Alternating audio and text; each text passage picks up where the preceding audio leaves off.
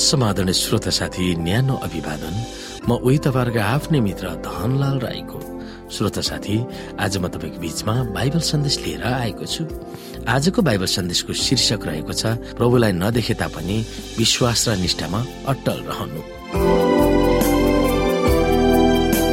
श्रोता साथी हामी कोभिड रोग जस्तो महामारीको भुमरीमा एक्लै परिरहेका हौला।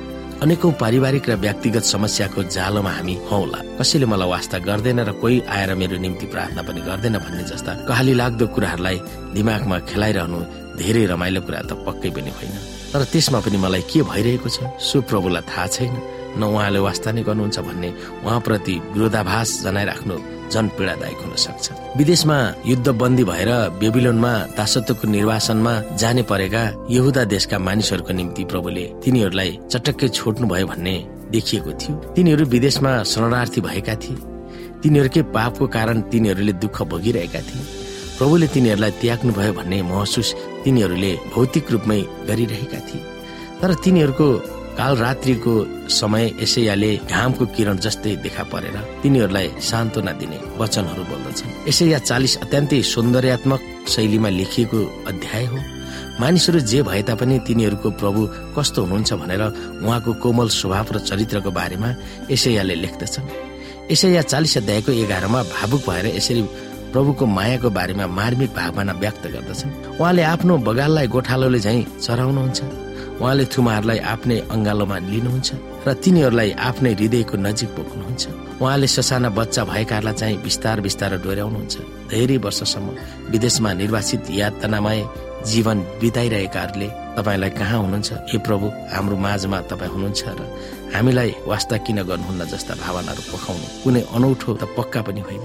यसै या चालिस अध्यायको सत्ताइसदेखि एकतिसको साथमा बाँकी अंश पनि हामी हेर्न सक्छौँ। यसैले प्रभुको बारेमा कस्तो चित्रण गरेका छन्? मेरा चल्ने मार्गहरू प्रभुबाट लुकिएको छ मेरा दुःख कष्टलाई प्रभुले वास्ता नै गर्नुहुन्न भन्ने दुखेसोलाई यसैलाई कसरी जवाफ दिन्छन्? हामी यहाँ पच्चिसमा हौ। तिमीहरू मलाई खुसित तुलना गर्दैछौ अथवा को समान छ परम पवित्र भन्नुहुन्छ।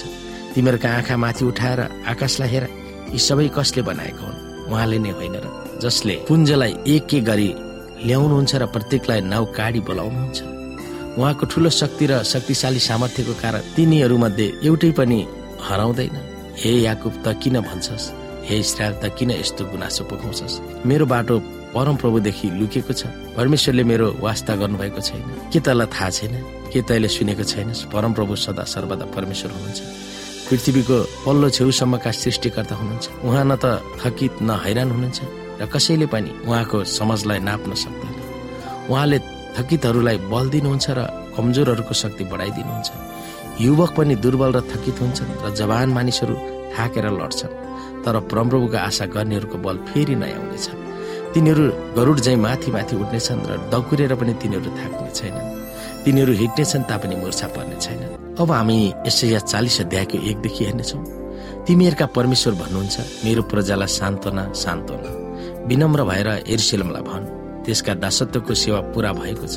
त्यसका पापहरू क्षमा गरिएको छ अनि त्यसले परमप्रभुको हातबाट आफ्ना सबै पापका निम्ति दोब्बर पाएको छ भनी त्यसलाई घोषणा गर कसैले बोलाइरहेको एउटा आवाज सुनिन्छ मरुभूमिमा परमप्रभुको निम्ति बाटो तयार गर। उजाड स्थानमा हाम्रा परमेश्वरको निम्ति मूल बाटो समतल बनाऊ। हरेक उपत्यका अग्लो बनाइनेछ हरेक पर्वत र डाँडा होच्याइनेछ बङ्ग टेढो जग्गा सिधा बनाइनेछ र खाल्टा खुल्टी समतल बनाइनेछ। अनि परमप्रभुको महिमा प्रकट गरिनेछ र सारा मानव जातिले यो एकैसाथ देख्नेछ। किनकि परमप्रभुको मुखले नै भनेको छ एउटा आवाजले भन्छ गर अनि मैले भने म के भनेर गरौँ? सबै प्राणी घाँस जस्तै हुन् र तिनका सबै गौरव घाँसको फुल जस्ता। घाँस ओइल्याउँछ फुल झरिहाल्छ किनभने परमप्रभुको सास तीमाथि फुकिन्छ। निश्चय नै मानिसहरू घाँस जस्तै हुन्। घाँस ओइल्याउँछ फुलहरू झरिहाल्छ तर हाम्रा परमेश्वरको वचन सधैँभरि अट्टल रहनेछ। सियोनलाई शुभ समाचार सुनाउने हो। तिमी अग्लो पर्वतमा जाऊ। एरिसिलमलाई शुभ समाचार सुनाउने हो। जोरसँग तिम्रो स्वर उचाल नडराउ यहुदाका नगरहरूलाई भन्। हेर तिमीहरूका परमेश्वर यही हुनुहुन्छ। हेर परमप्रभु परमेश्वर पराक्रम साथ आउँदै हुनुहुन्छ र उहाँको हातले शासन गर्नुहुन्छ।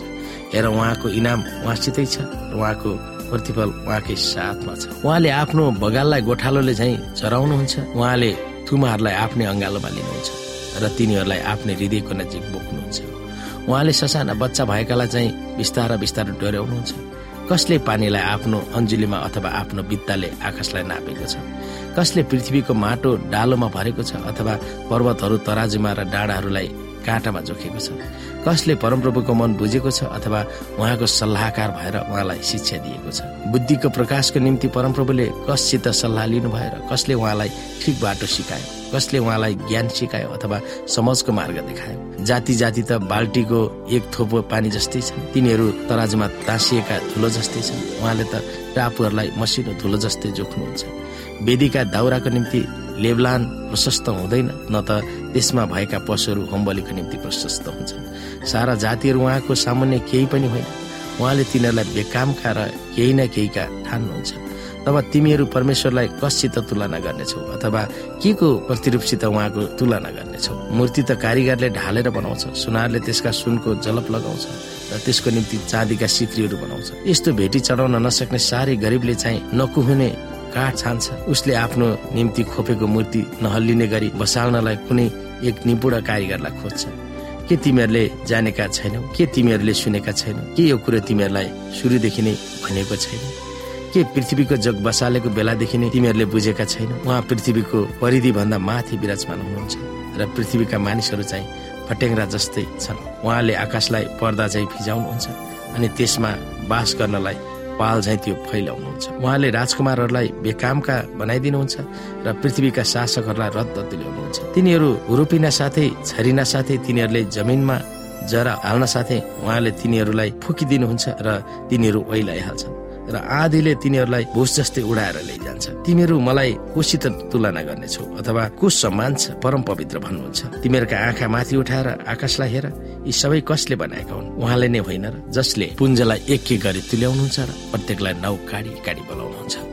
उहाँको ठुलो शक्ति र शक्तिशाली सामर्थ्यको कारण तिमीहरू मध्ये एउटै पनि हराउँदै हे याकुब त किन भन्छस्? हे इसरायल त किन यसो गुनासो पकाउँछस् मेरो बाटो परमप्रभुदेखि लुकेको छ। परमेश्वरले मेरो वास्ता गर्नुभएको छैन। के तँलाई थाहा छैन? के तैले सुनेको छैनस्? परमप्रभु सदा सर्वदा परमेश्वर हुनुहुन्छ। पृथ्वीको पल्लो छेउसम्मका सृष्टिकर्ता हुनुहुन्छ। उहाँ न त थकित न हैरान हुनुहुन्छ। र कसैले पनि उहाँको समझलाई नाप्न सक्दैन। श्रोता आजको लागि बाइबल सन्देश यति नै। हस्त नमस्ते जय मसिंह।